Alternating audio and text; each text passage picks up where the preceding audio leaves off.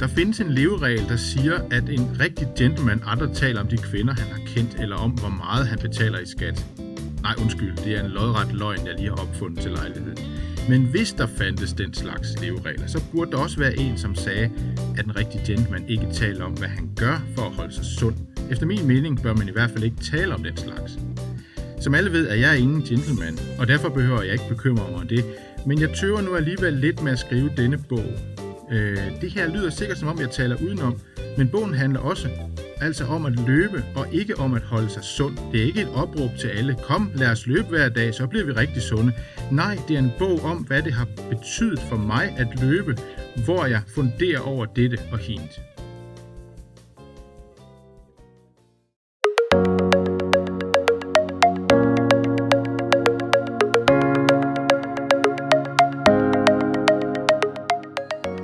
Til Æseløre, Ringsted Biblioteks podcast om bøger.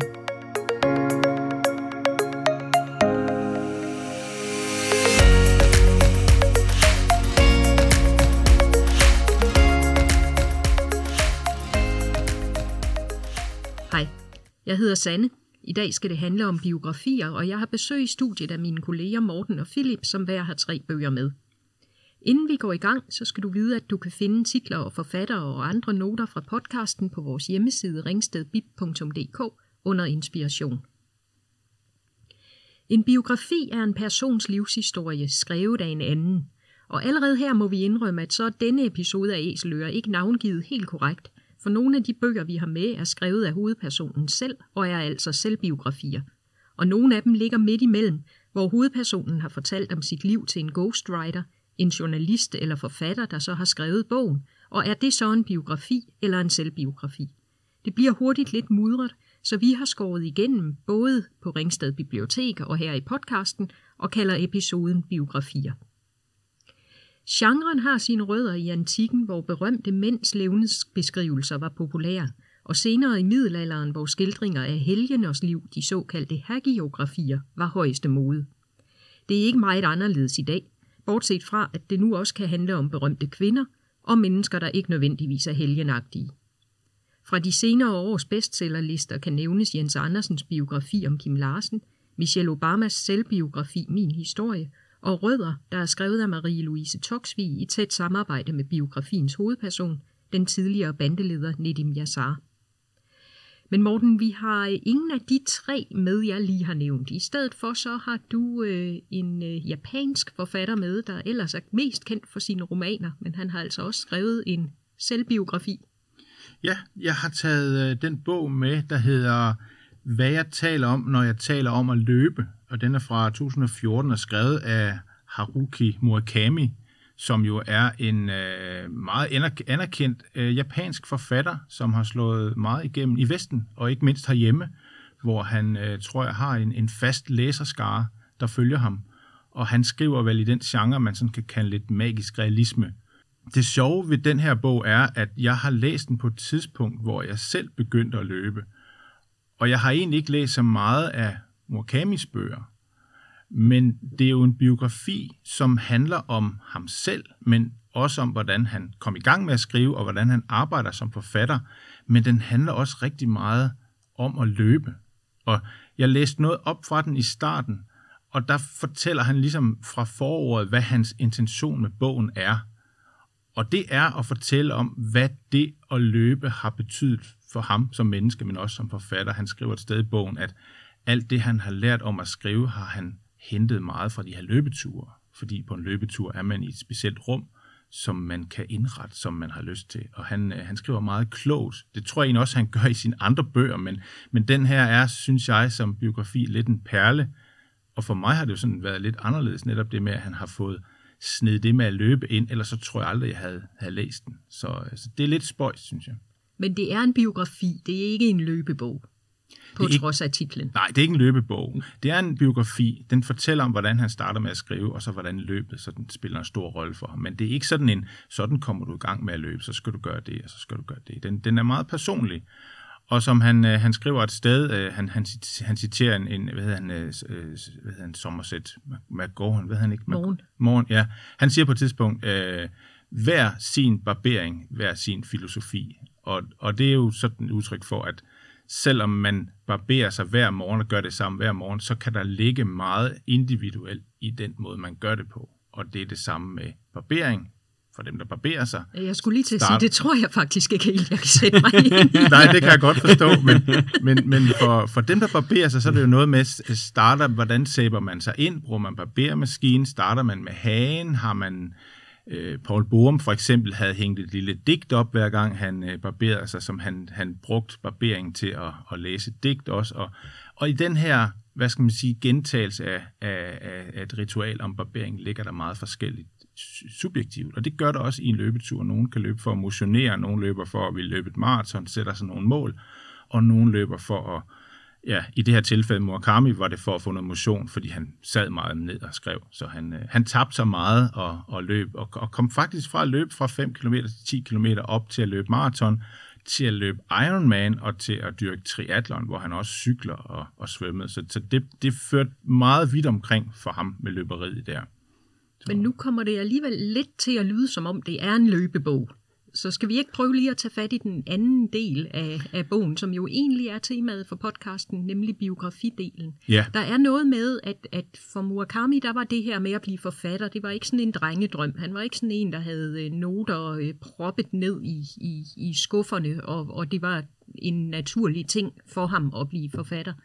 Er det noget, han fortæller om i, øh, i bogen? Ja, det gør han. Han, øh, han kom ret sent i gang med, med forfattergærningen, havde faktisk etableret sig som, øh, som natklub-ejer øh, for en jazz, øh, et, et lille jazzcafé, øh, spillested, restaurant. Øh, var også gift og havde sådan set styr på sit liv, kan man sige. Og, og så pludselig, mens han er øh, ude at se en baseballkamp, øh, det lokale hjemmehold der, så, øh, så lander den her historie i hovedet på ham og han beslutter sig for at skrive den ned og arbejder med den koncentreret. Efter han er færdig med at arbejde i natklubben, så sidder han ved køkkenbordet og skriver, indtil han falder om. Og så sender han den ind til en konkurrence og har sådan set glemt alt om den her bog.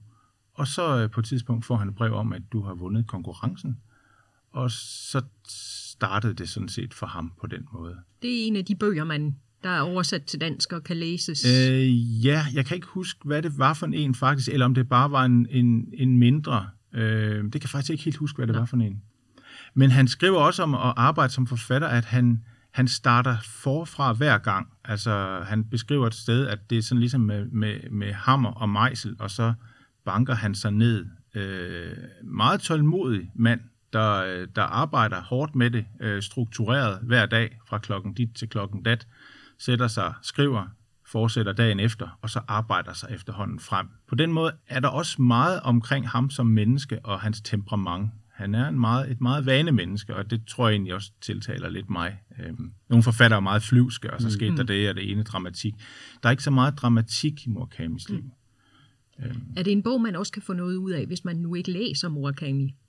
Ja, det synes jeg jo, fordi jeg læser ham jo ikke mm. sådan, øh, jeg har læst et par bøger, men ikke sådan, jeg er ikke sådan Murakami inkarneret.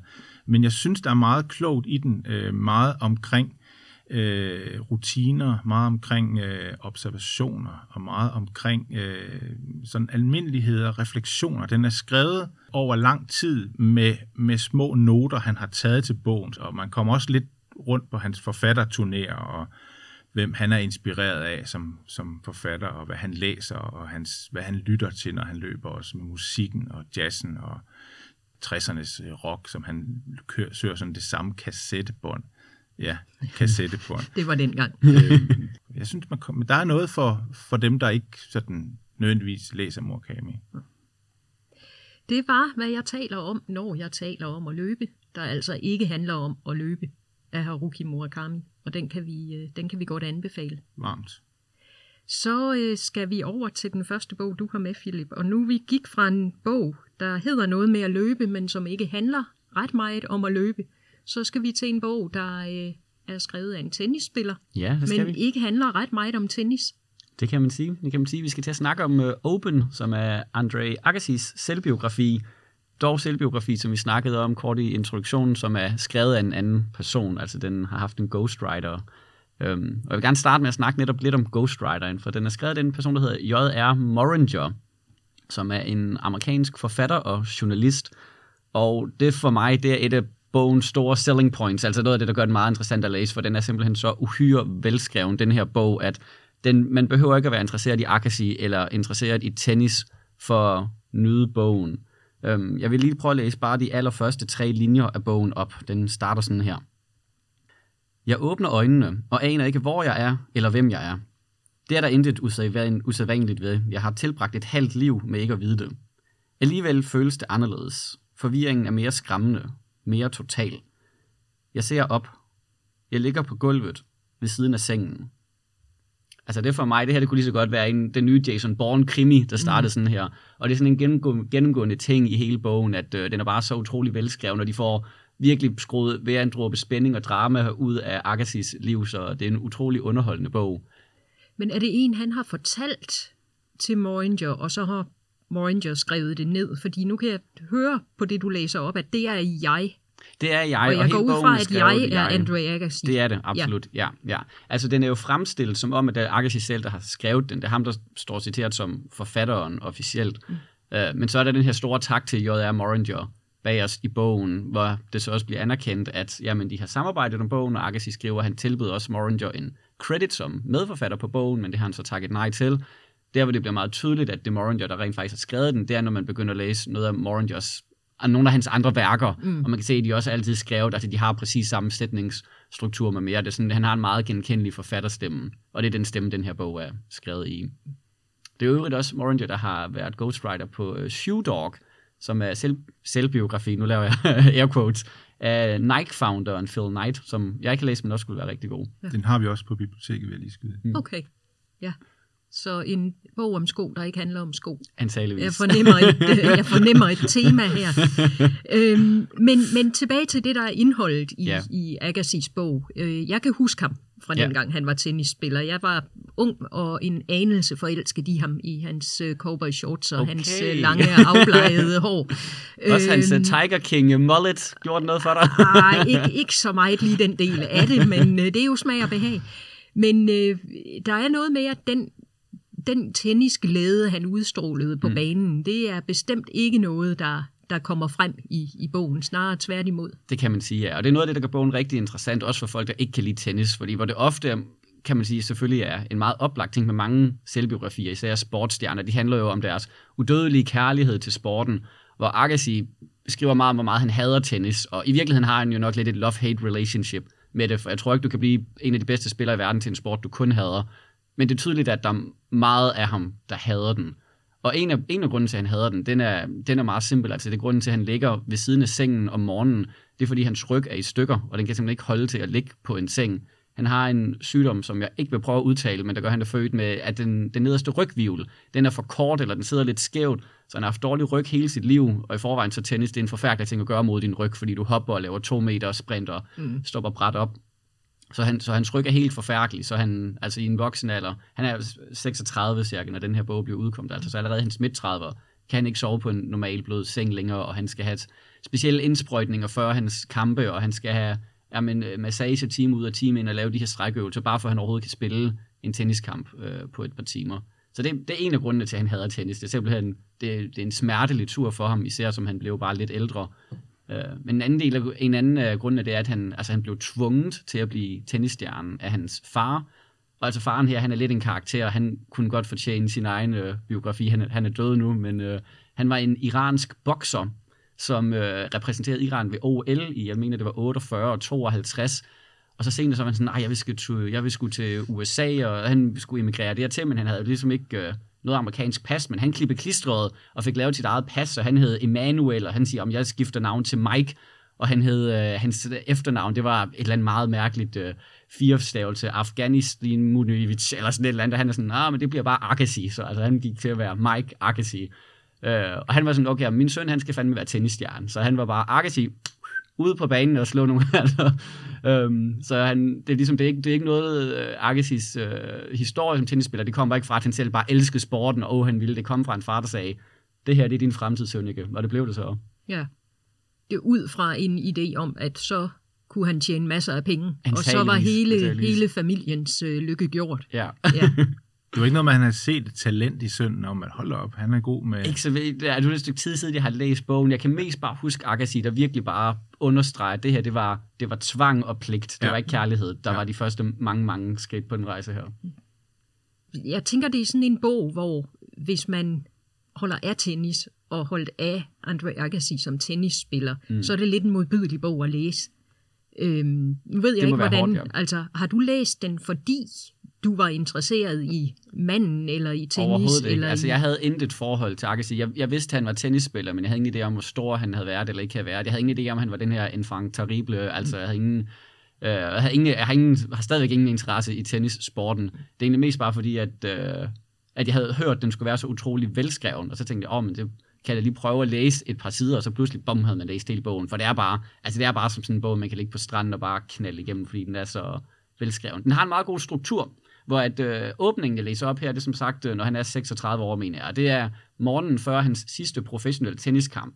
Så det er her, vi starter, og så det meste af bogen er egentlig et flashback, der så løber op til, hvordan endte han på gulvet her af hans tenniskarriere. Og det er jo så selv en struktur, som man også bruger meget i film, altså hvor du sådan, så starter du lige med at vise fem minutter fra klimaksscenen, og så er hele bil- filmen mere eller mindre et flashback, der bygger op dertil. Øhm, og de her, han altså Agassi i, i samarbejde med Moringer, der, de har bare været utrolig gode til at lave en struktur, der bare gør, at man hele tiden er hooked. Det er bare hele tiden spændende.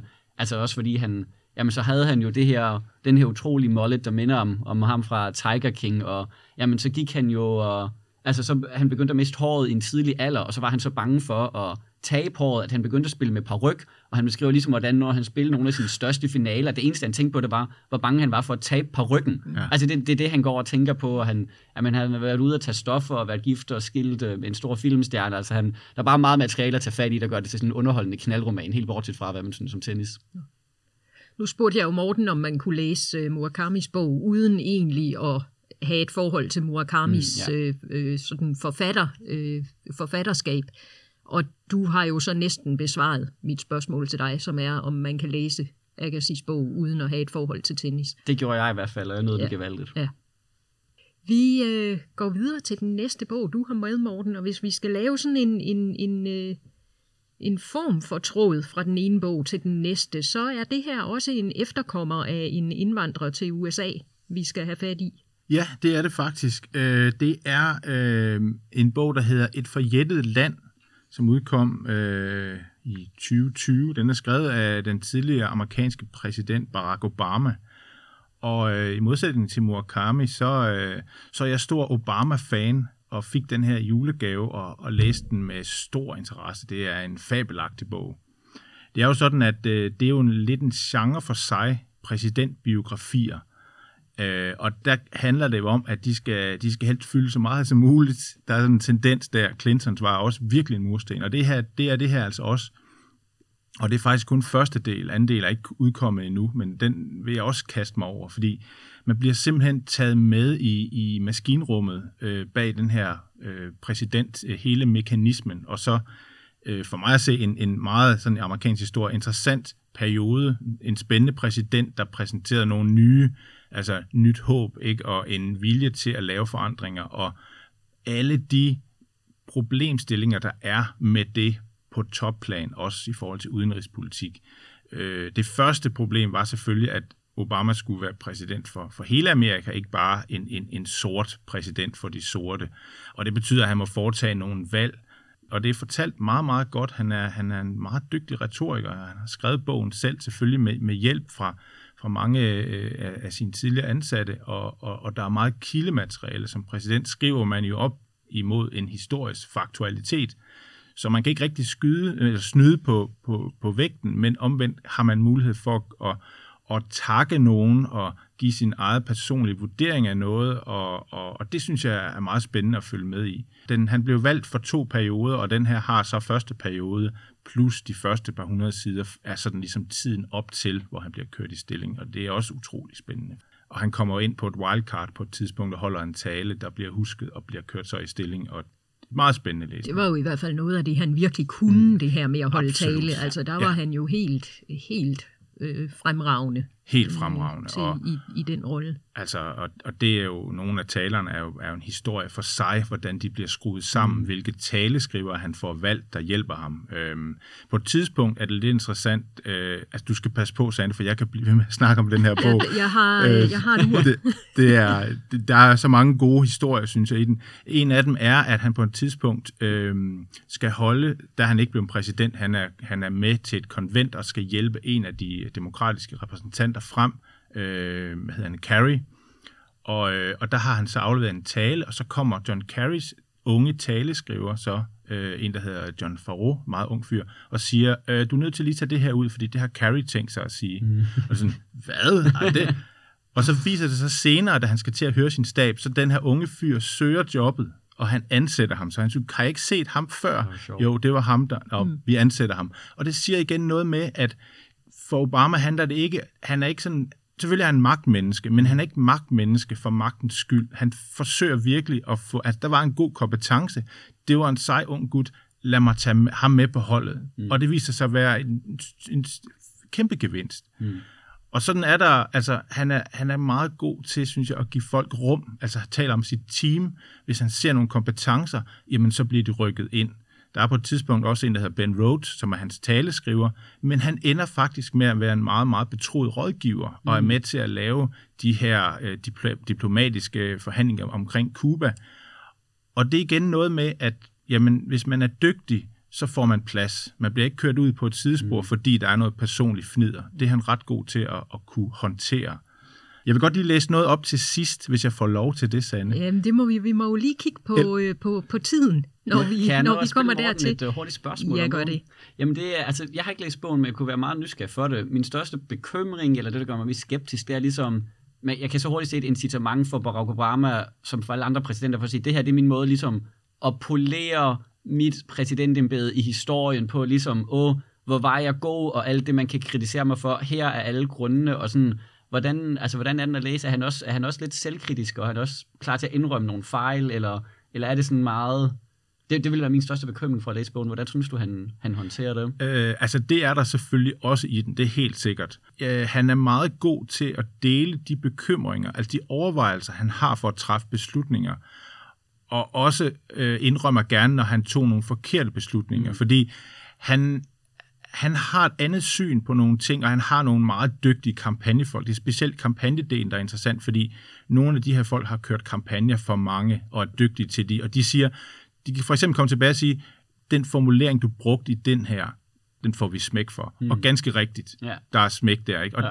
og de der strategiske ting, kan man ikke have samtidig med, at man har den her vision. Altså, det må han overlade til folk, og mm. det har han svært ved. Det er en af hans sådan, svagheder, det der mm. med, at han vil godt, han er sådan, han vil godt være med ind over det hele. Ja. Og det kan man ikke. Så, øh, så, så give luft og give plads, det, det arbejder han meget med. Øhm, men jeg vil godt lige læse noget op, fordi bogen slutter jo med, Osama bin Laden har jo, har jo været skjult længe. Ikke fordi man ikke ville finde ham, det ville man rigtig gerne. Øh, man har arbejdet meget på det, og nu har man så fundet ud af, vi ved måske, er der en mand i Pakistan, det her sted, som kan være Osama bin Laden. Hvad gør vi ved det? Og der tager øh, Obama så beslutninger om, at hvis vi er ret sikre på, at det er ham, så tager vi ham ud med sådan et commando raid. Øhm, jeg vil godt lige læse op her. Øhm, og der har de lige fået at vide, at, øhm, at de har fundet ham. Hvad gør vi ved det? Og så sætter han planen i gang. Sådan her. Jeg ville få masser af tid til at bekymre mig om republikanerne senere, sagde jeg til mig selv. Det er samme med budgetspørgsmål, kampagnestrategier øh, og det amerikanske demokratiske status. Faktisk er alt det, som gav mig noget at spekulere over den dag i gårdhaven, vidste jeg, at der var én ting mere end noget andet, som ville kræve min opmærksomhed i de næste par uger. Jeg skulle beslutte, om jeg ville be- bemyndige et raid dybt inde i Pakistan for at ramme et mål, som vi mente var Osama bin Laden. Og uanset hvad der skete, her ville jeg sandsynligvis ende med kun at få én periode øh, som præsident, hvis jeg træffede den forkerte beslutning. Så der er ligesom legnet op mm. til, hvad, hvordan gør vi det? Hvis vi beslutter det, hvordan skal det så være? Fordi man må jo ikke tage ind i et andet land og lave altså et, et, en, øh, et attentat, men det beslutter han så at gøre, og han er ude, og- han møder personligt det her SEAL-team, mm. øh, og følger det i, i, i, i det her konferencerum, hele operationen, ikke? Og, og, og slipper så godt fra det, bliver valgt igen, ikke? Men, men, men det var sådan lidt. Men han mente, og igen, argumentet er, vi skal gøre det her, fordi vi finder os ikke i, i sådan nogen som Osama Bin Laden. Mm. Og det synes jeg også er med til at se ham som en, en forholdsvis øh, hård præsident, selvom han jo er, også har mange bløde sider, er blevet sådan set som en blød præsident. Men, men når det kommer til stykket, så var han også villig til at tage sådan nogle beslutninger. Mm. Du snakker meget om politikeren, Obama, men handler den også om mennesket, Barack? Ja, det er det korte svar. Men det må I selv læse. Det var ordene om øh, Barack Obama, et forjættet land, som øh, Morten varmt kan anbefale og kan tale om i meget, varmt. meget lang tid. Så har øh, du en bog med, Philip, om Steve Jobs. Ja, det har jeg. Og det er, jo, det er jo den første rigtige biografi, vi har med her, for det er ikke en selvbiografi. Det er en bog, der er skrevet af Walter Isaacson. Og det er lidt sjovt alene bare at høre om historien, hvordan den her bog blev til. For det skete egentlig ved, at Steve Jobs besøger Walter Isaacson. De havde kendt hinanden en lille smule. Isaacson han var øh, den primære editor på det amerikanske blad Time øh, i en årrække, hvor at øh, Jobs nogle gange havde bedt, hey, vi har et nyt Apple-produkt, skal det ikke på forsiden? Og så de kendte hinanden lidt, men, øh, men, men ikke specielt godt. Men på et tidspunkt så øh, besøger Jobs så Isaacson personligt og siger, hey, skulle du egentlig ikke, øh, skulle du ikke skrive en biografi om mig? Og det øh, i sig selv siger lidt om Jobs ego, fordi Isaacson på det her tidspunkt har skrevet en biografi, der handlede om Benjamin Franklin, og skulle til at udgive en anden, der handlede om Einstein. Og Jobs så er det okay. ikke meget naturligt, at jeg er den næste i den række. Øhm, og Isaacson er sådan, øh, nej, det, det, det var han ikke sådan mega interesseret i. Og Jobs øh, går et halvt år sådan, åh, oh, skulle du ikke skrive en bog om mig? Og Isaacson sådan, om, hvis jeg endelig skal, så, altså, så skal det være meget senere i dit liv. Og her er det så hans Jobs kone kommer og fortæller Isaacson, han har ikke så meget liv tilbage, for på det her tidspunkt, der var Jobs allerede dødeligt syg med kraft, selvom at det ikke var blevet, øh, øh, selvom offentligheden ikke vidste om det endnu. Så Isaacson endte med at gå med til, jo, men jeg vil gerne skrive en bog om dig. Og det gjorde han så over en treårig periode cirka, hvor de første to år, blandt andet, der havde han omkring 40 interviews med Jobs, som så har været en del af ryggraden i bogen. Men han gør en stor pointe ud af at sige, at altså, han har interviewet over 100 mennesker, og alt fra Jobs' kollegaer og familie, men også det alle de mange, mange, mange mennesker, der havde Steve Jobs, som der er utallige kilder, der bare beskriver som et røvhul frem for alt. Og han siger sig selv, Isaacson, at han vil lade det være op til læseren, men han har gjort sit ypperste for at beskrive alle de forskellige sider af manden. Altså, det er jo, Steve Jobs er selvfølgelig en af de to founders af det store techfirma Apple, og man kan så sige, okay, er det bare en interessant bog for Apple-fans, og der vil det være en naturlig ekstra interesse der, men det handler meget mere om Steve Jobs det her, end det handler om Apple. Og Steve Jobs, han var bare en meget fascinerende karakter.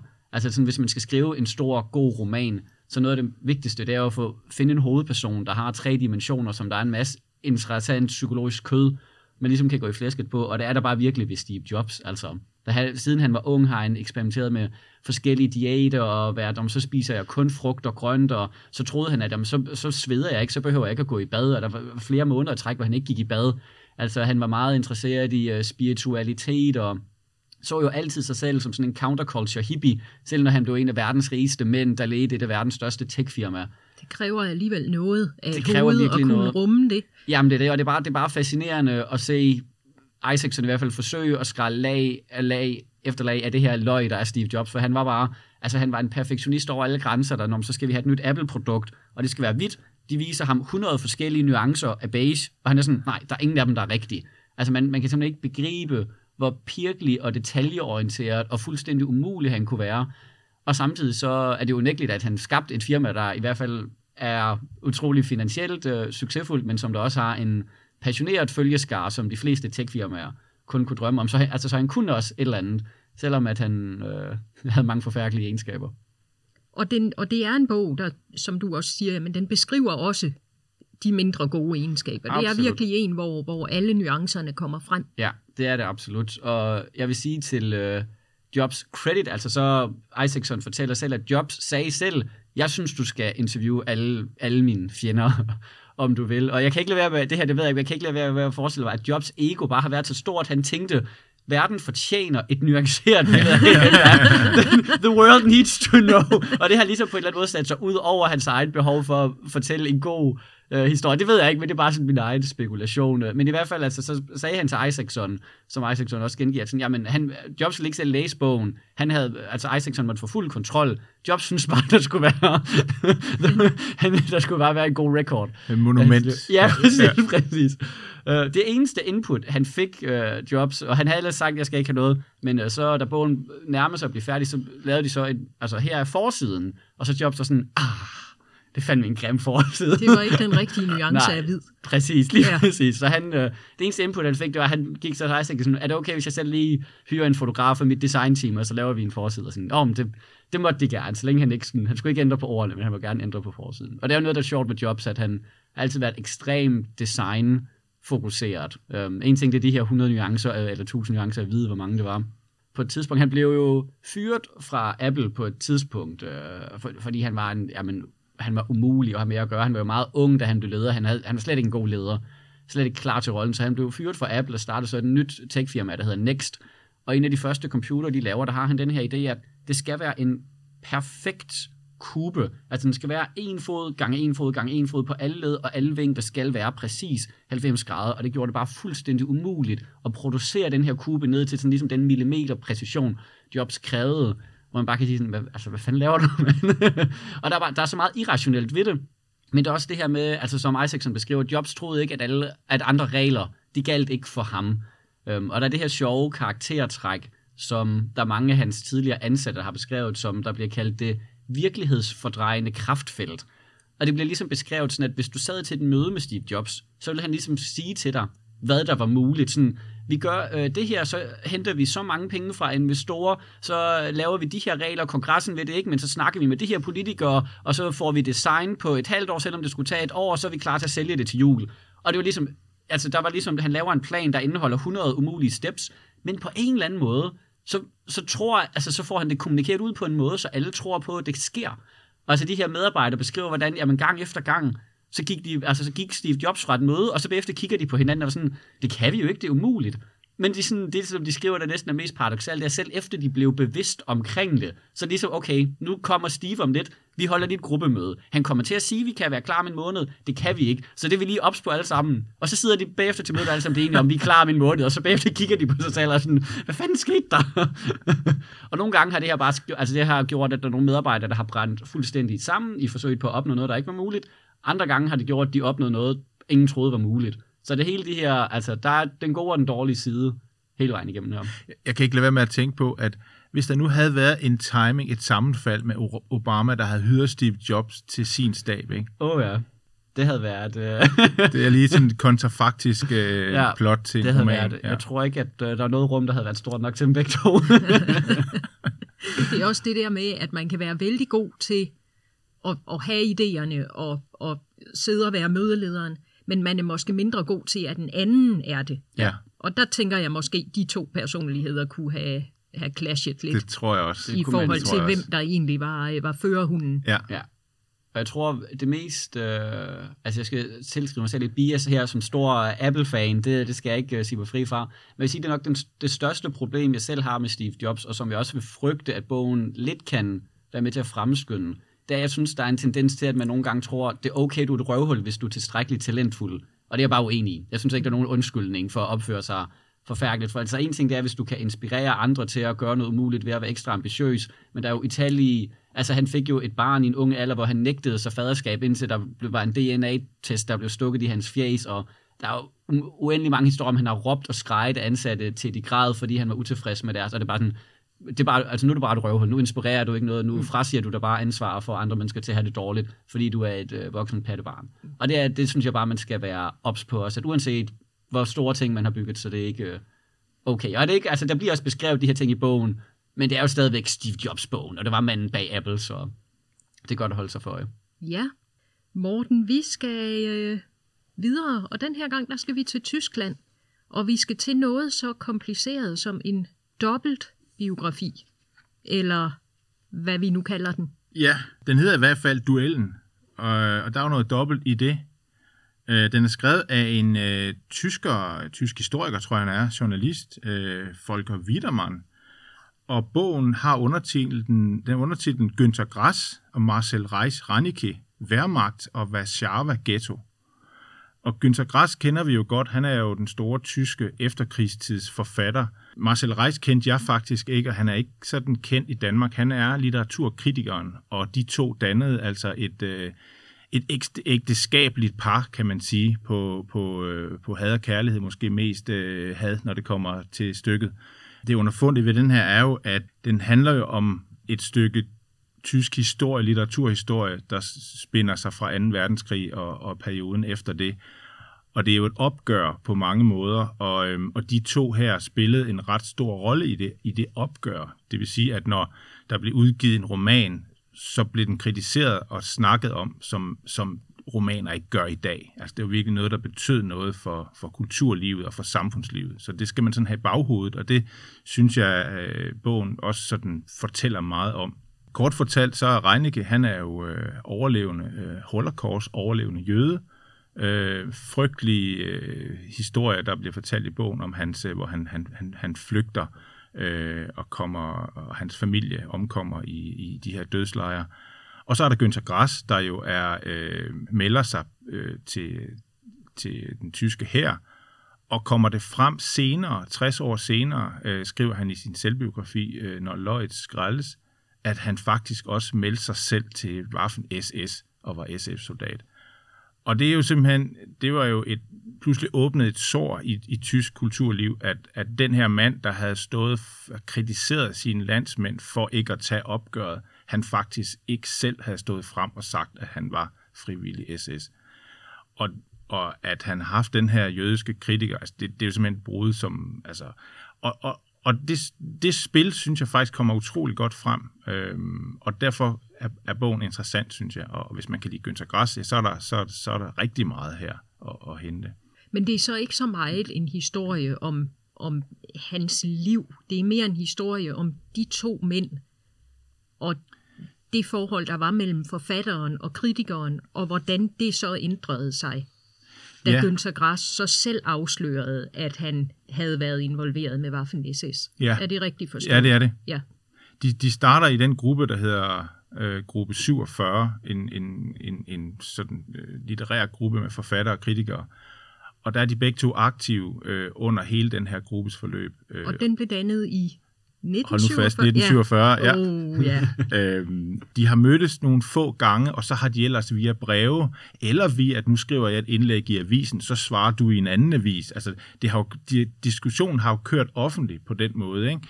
Og, øh, og Reiter er jo ham, der, der sablede øh, Græs øh, debutroman Bliktrum ned, øh, som jo ellers øh, var en kæmpe, kæmpe roman. Ikke? Så det siger noget om, om Reichs format. Han var virkelig en ben, benhård kritiker. Men jo som man jo gerne vil have Anna, man vil godt have anerkendelse af en dygtig kritiker, ikke? fordi så var man jo rigtig god. Så, så det var sådan lidt, den der kritikerrolle, det, det var sådan lidt en balance, om man var, folk havde ham jo, men hvis han nu sagde noget godt om ens ting, så var han jo måske ikke så slem. Og, sådan, så, og det er også meget fint spil. Hvis man få, bliver klappet på hovedet, så lover ja, man alligevel med hale. Nemlig, ja. nemlig. Så, så der var, det, det, det synes jeg kommer meget godt frem, det der, den der forhold mellem forfatteren og kritikeren. Den ene er ikke rigtig noget uden den anden, for du skriver en roman, nå ja, herregud. Men hvis den får en god kritik, uha. Ikke? Mm. Og kritikeren, jamen han skriver ikke selv nogen romaner, så hvis der ikke er nogen romaner, hvad skal han så? Men når han kritiserer noget, så er det jo hans kritik, hans syn på den her roman. Ikke? Så... Det er sjovt, det, jeg har så svært med at sætte mig ind i den tankegang, du lige beskriver det, for jeg vil netop, for mig, der vil netop mene, at romanen har en værdi uanset, for der er jo utrolig mange, der vil nyde en roman, helt uanset, hvad der er en kritiker, der skriver om den. Så for mig der er det et meget mindre symmetrisk forhold, hvor man kan sige, at forfatteren er meget mere uafhængig af kritikeren, hvor kritikeren har ikke noget at skrive om, hvis bogen ikke er der ja. i udgangspunktet. Er det, bliver det taget op på et tidspunkt, sådan, hvad, hvad er værdien i kritik? For romanen har den værdi, at der kan være tusindvis af, hundredtusindvis af folk, der læser den og finder glæde i den. Men, men hvad, hvad er formålet med kritikken? Hvad er det værd? Jamen, det, det kommer der meget frem mm. omkring. Øh, det gør der, og jeg har det lidt på samme måde som dig, men man skal også huske den der gamle sang der, The Picture of the Rolling Stones, ikke? Ja. At øh, vi tager rundt, og jeg er millionær, og jeg har alt, men jeg kan ikke få det der billede på forsiden af Rolling Stones. Ja. altså, det, og det... Jeg tror heller ikke, vi skal glemme i, i, i den samtale, at tiden var en anden. Mm, nej, altså, det, vi, vi lever nu, vi kan få alle vores, vi kan få vores informationer fra internettet, mm. vi kan mm. blive inspireret mange steder fra, og vi kan, altså vi får hele tiden indtryk Ja. af det ene eller det andet eller det tredje. Men i 1950'erne, eller hvornår det nu var, Bliktrummen for eksempel Ja. udkom, 1950'erne, Øh, det er kom- også ligegyldigt, ja. før internettet i hvert fald, der var det der muligheden var for ligesom at slå igennem mm. som forfatter. Det var i avisanmeldelserne. Det var der folk fik deres inspiration til, hvad de skulle læse. Ja, det er rigtigt. Så kunne de selvfølgelig gå på biblioteket, men biblioteket var også meget styret af, i hvert fald i Danmark, at man havde de rigtige ting stående. Ja. ja, du skal vide, hvad du skal spørge efter på biblioteket. Ja, og, og du får ikke, altså hvis en bog fik en dårlig kritik, så stod den bare ikke på biblioteket, mm. og så var man afhængig af, om man Ja. havde en bibliotekar, Ja. der gerne ville hente den hjem, selvom den var dårlig, eller som var sådan lidt skrankepaven, der sagde, at nej, den her bog er dårlig, den leverer vi ikke. Altså, han lavede jo flere litterære drab, ham her Reis, altså, øh, hvor han jo sablede en bog ned, og den forfatter kom man jo aldrig, aldrig til at høre noget som helst til, nogen steder. Mm. På et tidspunkt er det også sådan, at han, altså, folk blev fyret, øh, fordi han, der var en anden kritiker, der skrev et eller andet, og så skrev Reis noget, hvor han jo bare tager, okay, så siger du det, så står der det, så, og, og det er simpelthen sådan en sønderlemmende kritik, ja. At den anden simpelthen blev fyret fra den avis, fordi man kunne ikke have en mand, der, der ikke, altså ikke vidste, hvad han skrev om. Nej, okay. Og Reis havde den der evne, når han kritiserede, så først op på pedestalen, ikke? Og så sparker vi pedestalen væk, ikke? Mm. Og så bang ned og ramme gulvet. Altså, altså sønderlemmende krit- kritik kunne han, og han var jo ufattelig belæst, så ja. han vidste jo, hvad han snakkede om, ikke? Og det, og det, det synes jeg er en spændende, altså netop som du siger, Sande, det var en anden tid. Ja. Kritikeren havde en absolut øh, anden, helt anden rolle. Øh, Så, så den, øh, den, kan jeg, den kan jeg absolut anbefale også som, som, øh, som lidt kuriosum. Måske ikke så meget biografi, men, men stadigvæk en, den Ja. står som biografi i, øh, på bibliotekerne. Ja, og det er et parløb, fordi mm. de levede nogenlunde samtidig, så, så man har de to parløb, og så har man perioden også. Øh, og det synes jeg er meget godt, øh, meget godt set og meget godt grebet at, at, at få det beskrevet sammen, at de hænger sammen. Ikke? Så det var duellen af øh, Volker Wiedermann, som vi også kan anbefale. Vi er ved at nå til den sidste bog, og der er jo faktisk lidt en rød tråd fra den ene bog til den anden her, fordi vi har, øh, vi har også fat i en øh, holocaust-overlever i Det den har vi. sidste bog, du har med, Philip. Yes, det er, den bog, jeg har med, det er øh, Viktor Frankls Psykologi og Eksistens. Og øh, før at øh, man skynder sig at slukke for podcastet, så skal vi lige forklare, at det ikke er en bog, der er helt så drøg, som det godt kunne lyde til. Øhm, det er en bog, der oprindeligt blev skrevet på tysk med den tyske titel Ein Psychologe erlebt, äh, erlebt das Konzentrationslager, altså en psykologs oplevelser i koncentrationslejre. Og den blev så siden øh, udgivet på engelsk med den lidt mere poetiske titel Man's Search for Meaning, altså menneskets søgen efter mening. Og det er en meget kort bog, altså den er 140 sider lang, og den er skrevet i et meget simpelt sprog. Forfatteren skrev den øh, på en periode på cirka 9 dage, et par måneder efter han blev løsladt fra en koncentrationslejr. Og bogens hook, eller man kan sige, det der, den, den spændende twist på bogen, det der virkelig gør den værd at læse, det er, at det ikke kun handler om øh, det værste eller de mest ekstreme oplevelser i en koncentrationslejr, eller bare nøgternt at beskrive det. Det er bogstaveligt talt en psykologs syn på, hvordan det påvirker mennesker at leve i koncentrationslejre. Øh, Frankl nåede at være i, jeg mener det var 4-5 forskellige koncentrationslejre over en treårig, per, treårig periode. Og han laver ligesom sådan et mission statement meget tydeligt i bogen, hvor han siger, at hans formål med at skrive bogen, det er ikke at beskrive de mest ekstreme historier eller det ene eller det andet. Det er egentlig bare at beskrive, hvordan påvirker det mennesker psykologisk at være under de her omstændigheder dag efter dag. Så det handler mest af alt om dagligdagen og om, hvordan det, det påvirkede folk. Og det er bare utrolig interessant at have en psykologs indsigt øhm, på de her ting. Især fordi, at Frankl, altså han har så senere fået en meget anerkendt karriere som psykolog. Han øh, er founderen af det, der hedder logoterapi, som stadigvæk i dag er en gren af psykologien, der er meget øh, brugt verden over, som der specifikt handler om, hvordan man finder mening i livet, og at hvis man kan finde mening i sin tilværelse, så kan man overleve sin tilværelse og klare sig godt igennem den, næsten uanset hvor vanvittige omstændighederne er. Og det, den tese kan nok ikke blive stresstestet mere voldsomt end ved nogen, der har overlevet holocaust. Han var psykolog Han var psykolog. og kom i koncentrationslejre, fordi Præcis. han var jøde, Præcis. og brugte så sin psykologuddannelse. Lige præcis. Ja. Ja, det er ikke klart for mig. Jeg kan ikke huske, hvor, hvor meget han... Altså, han er, nok, han er nok ikke gået ind til det fra dag 1 i koncentrationslejren med, åh, lad mig nu lige overveje, hvordan det er. Men det var ligesom, altså han beskrev det som om, at det var, det blev tydeligt for ham, at dem, der kunne... Altså, fordi det var den mest miserable tilværelse, man kunne forestille sig. Men han siger, at det er ligesom dem, der overlevede, dem, der ikke bogstaveligt døde, eller i det mindste blev vanvittige, det var dem, der kunne finde et eller andet. Det sådan, så samler jeg på cigaretter, så tæller jeg, hvor mange skridt jeg går, så prøver jeg at høre, om jeg kan, kan jeg høre nogen fugle synge. Altså dem, der fandt, så fik, fandt de et eller andet at gå op i, mm. så havde de en grund til at stå op. De havde, der, der var en grund til at overleve i en situation, hvor man konstant var i livstruende situationer. Det var så fundamentet for det her logoterapi. Men det er så også det, han har brugt efterfølgende, altså når han som psykolog har haft mange patienter, der havde selvmordstanker, men mere, han, han ville på til spørge dem, hvorfor har du ikke slået dig selv ihjel? Og så de fleste ville sige et eller andet, om sådan, når man elsker mit barn, jeg elsker mit job, jeg elsker min for... Altså de fleste har et eller andet, og så er det sådan, okay, men det er din mening. Og så, så er det prøv, der, vi fokuserer. Så lige præcis. Ja. Man skal heller ikke gøre det til en smukkere historie, end det er, men, øh, men altså den engelske undertitel, det er a, øh, a Classic Tribute to Hope from the Holocaust, altså den klassiske hyldest til håb fra holocausten. Og det er måske lige, lige at putte nok flødeskum på lavkagen. Men der er virkelig et eller andet i, at sådan, når man der at høre beskrivelserne fra de her koncentrationslejre, samtidig med at få indsigten i, hvordan man kunne finde mening og finde et liv, der var værd at leve der, det er der et eller andet inspirerende ved, for det sætter ens eget liv så meget i perspektiv. Mm.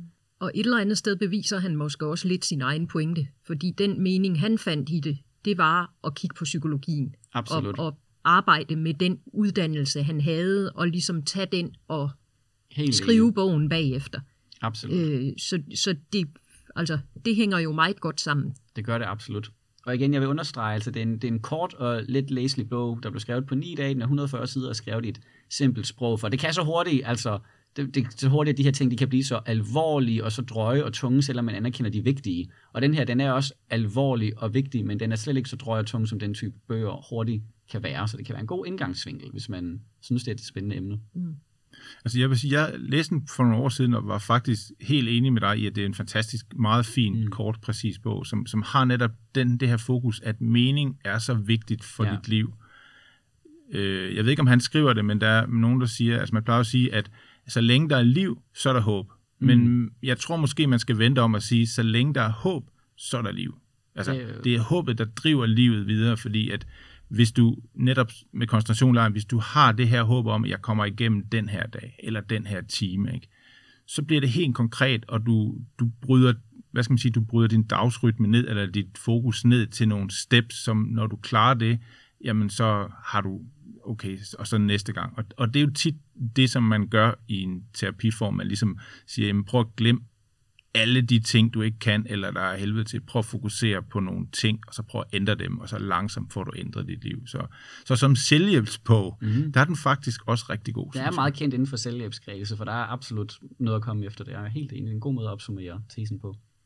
Det tror jeg var, øh, var ordene om de bøger, I har haft med i dag. Vi er kommet virkelig vidt omkring. Vi har faktisk haft meget få at det, det, jeg vil kalde den sådan klassiske mm. biografi, hvor man starter med et menneske, der bliver født, og så følger man vedkommende fra A til Å øh, hele vejen igennem livet. Så det har været en spændende rundrejse, synes jeg, i, i, i mange forskellige bøger. Jeg læser ikke specielt mange biografier, men jeg kommer til at tænke på et, citat, jeg tror det er C.S. Lewis, øh, som der jo blev, altså som skrev Narnia, og som Narnia der ofte bliver opfattet som børnebøger, så nogen, noget af den kritik han er til vil møde det, sådan, når man altså er det ikke spild af tid, og hvorfor børnebøger, er de virkelig så vigtige? Hvor til han så svarede, der er ingen bog, der er ved at læse som barn, hvis den ikke også er ved at læse som voksen. Og jeg tror lidt for mig, der biografier, de er sådan, der er ikke, for mig en biografi ikke ved at læse, hvis det kun er fordi, man er interesseret i den specifikke person. Jeg har været interesseret i Apple, det kan jeg ikke frasige mig. Men altså, jeg har aldrig været interesseret i tennis, og Holocaust er aldrig noget, hvad jeg har læst, som jeg har læst mange bøger omkring. Men for mig, der handler det om at finde de bøger, hvor man ligesom kan sige selv, hvis du ikke er interesseret i hovedpersonen, så er det bare en fantastisk spændende bog, et fantastisk tema, en fantastisk historie. Øhm, og så kan de bare være gode bøger på lige fod med alle andre. Så det, det er min egen tilgang til det. Det, det er så også grund til, at jeg ikke læser så mange biografier nok. Altså jeg har øh, må om lidt en hang til at læse øh, måske lidt for mange biografier. Jeg har også læst rigtig mange dårlige biografier, men jeg har det sådan, at... Det, er et, det bliver en anden podcast. Det bliver en anden podcast, fordi det er jo, altså en dårligt skrevet biografi kan være ufattelig kedeligt, men så skøjter man igennem, og så får man, nå ja, det var den person. Mm.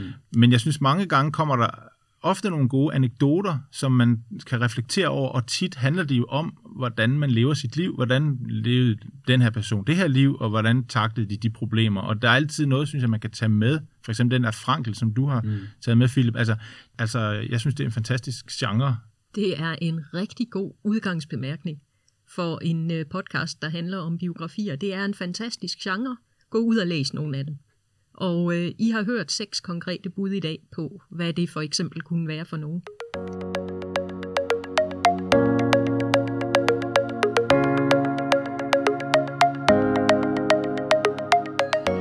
Vi skal øh, til at slutte af for i dag. Hvis du har brug for at blive mindet om titler og forfattere, så kan du kigge på vores hjemmeside ringstedbib.dk under inspiration, hvor vi har samlet noterne fra podcasten. Hvis du har kommentarer eller forslag til emner, vi kan tage op i øh, Æseløer, så kan du skrive til os på podcast Tak for i dag.